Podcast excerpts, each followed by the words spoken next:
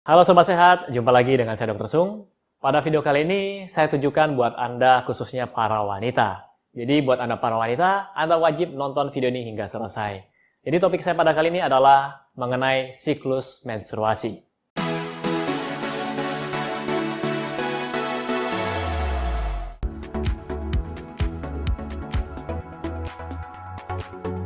Ya Sobat Sehat, jadi siklus menstruasi adalah proses perubahan pada organ reproduksi wanita untuk mempersiapkan kehamilan. Jadi Anda bisa lihat gambarnya di sini, organ reproduksi wanita. Nah, di sana terdapat otot pada rahim yang disebut miometrium dan di bagian dalamnya terdapat lapisan endometrium. Nah, selama siklus menstruasi, jadi terjadi perubahan pada endometrium, di mana endometrium ini yang kaya akan pembuluh darah akan mulai menebal. Di sementara di sisi lain ada namanya ovarium, ya, yaitu indung telur yang akan mempersiapkan sel telur untuk proses pembuahan. Jadi setelah dibentuk sel telur tadi akan berjalan menuju tuba falopi dan di situ akan menunggu sperma yang datang untuk membuahi sel telur tersebut. Dan jika terjadi pembuahan, maka akan terbentuk namanya sigot. Dan rahim tadi sudah dipersiapkan. Jadi endometrium yang tebal tadi, itu untuk mempersiapkan pembuahan sel telur dan untuk tempat bertumbuhnya sigot ya dan nanti kelak sigot ini akan menjadi bayi, menjadi janin dan menjadi bayi. Nah, terus apa yang terjadi kalau seandainya sel telur tadi yang sudah dibuat oleh ovarium atau indung telur dan ternyata tidak terjadi, misalnya tidak terjadi hubungan seks dan tidak terjadi pembuahan di sana, tidak ada sperma yang masuk ke sana. Akhirnya sel telur tadi akan menuju rahim, menuju endometrium dan terjadi peluruhan karena tidak dibuahi. Ya. Jadi endometrium beserta sel telur tadi akan keluar melalui vagina dan terjadi perdarahan pada wanita. Dan perdarahan ini biasanya terjadi 2 sampai 7 hari. Ayo, siapa di sini yang kalau perdarahan lebih dari 7 hari? Atau ada yang tidak menstruasi sama sekali? Nah, saat proses menstruasi di mana darah yang keluar sekitar 30 sampai 50 cc. Ada juga literatur yang mengatakan hingga 80 cc. Ya, tapi kalau sudah Anda harus mengganti pembalut setiap satu jam karena darah yang keluar terlalu banyak, sebaiknya Anda kunjungi dokter, ya dokter spesialis kandungan atau dokter objin. Nah, di sini proses menstruasi uh, terdiri dari empat fase. Jadi yang pertama adalah fase mens atau fase perdarahan. Ini terjadi sekitar 2 sampai 7 hari. Jadi hari pertama sampai hari ketujuh ya, saat Anda mens. Yang kedua adalah fase folikuler, kemudian fase ovulasi, dan yang terakhir adalah fase luteal. Oke, saya akan bahas satu-satu. Yang pertama saya akan bahas dulu fase menstruasi atau fase perdarahan. Nah, contoh saja, saya berikan contoh namanya bunga ya. Kalau biasa dipakai nama mawar, sekarang saya pakai nama bunga. Bunga adalah seorang wanita, jadi bunga ini anggap saja mulai menstruasi pada tanggal 1 November dan berhenti bersih pada tanggal 7 November. Nah, inilah yang disebut dengan fase menstruasi. Jadi biasanya gejala yang dialami oleh bunga karena menstruasi, perutnya mulai terasa sakit di hari pertama biasanya. Karena uh, dinding rahim harus berkontraksi untuk mengeluarkan darah dari endometrium tadi yang luruh dan uh, sel telur tadi yang tidak dibuahi. Jadi Anda ingat kan gambarnya tadi? Kalau Anda ingat, saya tampilkan gambarnya ulang di sini. Jadi endometrium tadi yang luruh akhirnya terjadi perdarahan dan prosesnya sekitar 2 sampai 7 hari. Apa yang terjadi pada bunga pada masa-masa tersebut? Ya, tadi seperti yang saya sebutkan, sakit pada perut ya, karena rahim tadi yang berkontraksi, kemudian terjadi gangguan mood, bete, ya. Jadi kalau Anda yang punya pasangan, saat bete, Anda coba cek, mungkin lagi dapat. Nah, hal demikian bisa terjadi karena terjadi penurunan kadar estrogen, ya. Jadi estrogen tadi sebenarnya estrogen yang menurun tadi menyebabkan si bunga menjadi lebih lemas, kemudian uh, bad mood, kurang percaya diri, mudah tersinggung, mudah marah dan sebagainya. Jadi kalau Anda yang punya pacar atau punya pasangan lagi mens, harap dimaklumi. Kemudian kita lanjut ke fase yang kedua yaitu fase folikuler. Di mana pada fase folikuler ini kelenjar pituitari pada otak Anda akan menstimulasi atau menghasilkan hormon namanya FSH. Jadi follicle stimulating hormone ya FSH di mana akan terjadi pembentukan jadi ovarium akan membentuk sel telur ya atau ovum. Jadi pada fase ini juga terjadi peningkatan kadar estrogen. Akhirnya si bunga menjadi ceria kembali peningkatan kadar estrogen secara perlahan.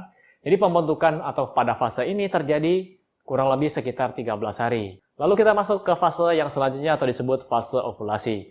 Ini terjadi pada hari ke-13 dan ke-14 pada siklus menstruasi bunga. Nah, pada fase ini, indung uh, ovarium tadi yang memproduksi sel telur akan masuk ke dalam tuba falopi. Jadi sel telur ini akan berjalan ke tuba falopi dan pada fase ini pula terjadi perlonjakan estrogen. Nah, kalau estrogen sudah naik, maka si bunga tadi akan mencapai puncak-puncaknya. Dia ceria, kemudian ia happy, percaya diri, dan gairah seksnya juga meningkat pada uh, tanggal 13-14 ini. Ya, karena terjadi penonjakan dari estrogen tadi. Lalu kita masuk ke fase selanjutnya yaitu fase luteal dari siklus menstruasi. Nah, pada fase luteal ini terjadi pada hari ke-15 sampai hari ke-28 di mana kadar estrogen mulai menurun dan di sisi lain progesteron mulai meningkat. Dan akhirnya terjadi penebalan pada dinding endometrium seperti yang saya jelaskan sebelumnya untuk mempersiapkan kehamilan. Ya. Nah, pada fase ini Tinggal menunggu apakah sel telur tadi akan dibawahi atau tidak. Nah, jika tidak terjadi pembuahan, maka indung telur atau ovarium akan menghentikan secara perlahan produksi estrogen. Jadi bunga akan mulai merasa galau, tidak percaya diri, ya, dan sebagainya lah. Ya, itu tadi. Kemudian eh, di sisi lain juga karena perubahan hormon tadi, bunga juga berkemungkinan untuk timbul jerawat. Kemudian suka makan makanan yang tinggi karbohidrat, makanya kadang cewek sering gagal diet ya karena perubahan hormon ini ya. Oke, kemudian fase luteal ini akan berlangsung terus sampai hari ke-28. Dan jika tidak terjadi pembuahan tadi, maka akan masuk ke fase menstruasi, menstruasi lagi, yaitu fase perdarahan karena dinding rahim tadi uh, lapisan endometrium yang sudah mulai menebal akan luruh kembali. Jadi begitu terus siklusnya setiap bulan satu kali. Nah terus apakah siklus menstruasi ini selalu 28 hari? Ya, mungkin banyak bertanya, siklus menstruasi yang pas, yang cocok, ya apa, yang normal itu berapa hari dok? Rata-rata memang 28 hari, tapi tidak selalu tepat 28 hari, bukan seperti gajian karyawan. Hari tanggal 28, bulan depan tanggal 28, bulan depannya tanggal 28 lagi, tidak seperti itu. Jadi bisa plus minus 7. Jadi uh, siklus menstruasi yang normal adalah 21 sampai 35 hari. Dan dikatakan tidak normal jika terjadi terlambat, misalnya di bawah 21 hari, atau telat sampai 37 hari ke atas misalnya, selama 3 bulan berturut-turut itu dikatakan tidak normal. Kalau cuma terjadi telat di bulan ini saja misalnya, mungkin karena Anda terlalu stres atau olahraga yang terlalu berlebihan atau diet yang terlalu ketat.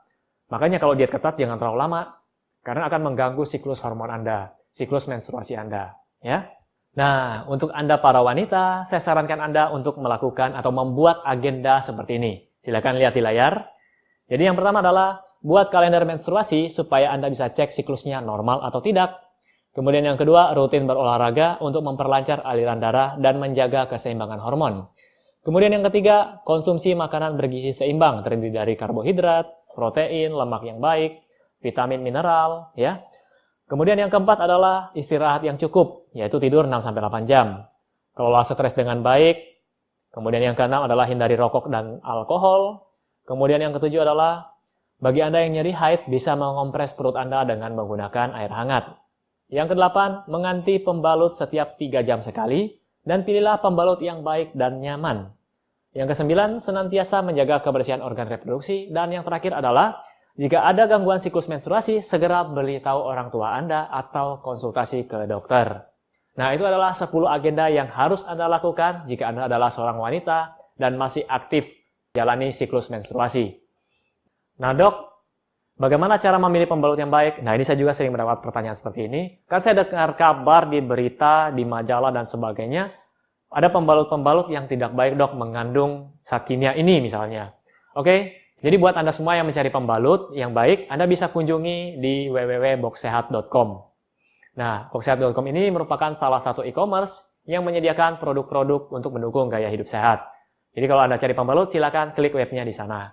Oke, semoga video singkat ini dapat bermanfaat buat Anda semua, terutama Anda para wanita ya yang sekarang masih remaja yang mulai masuk uh, usia yang sudah menstruasi. Dan semoga video ini dapat bermanfaat.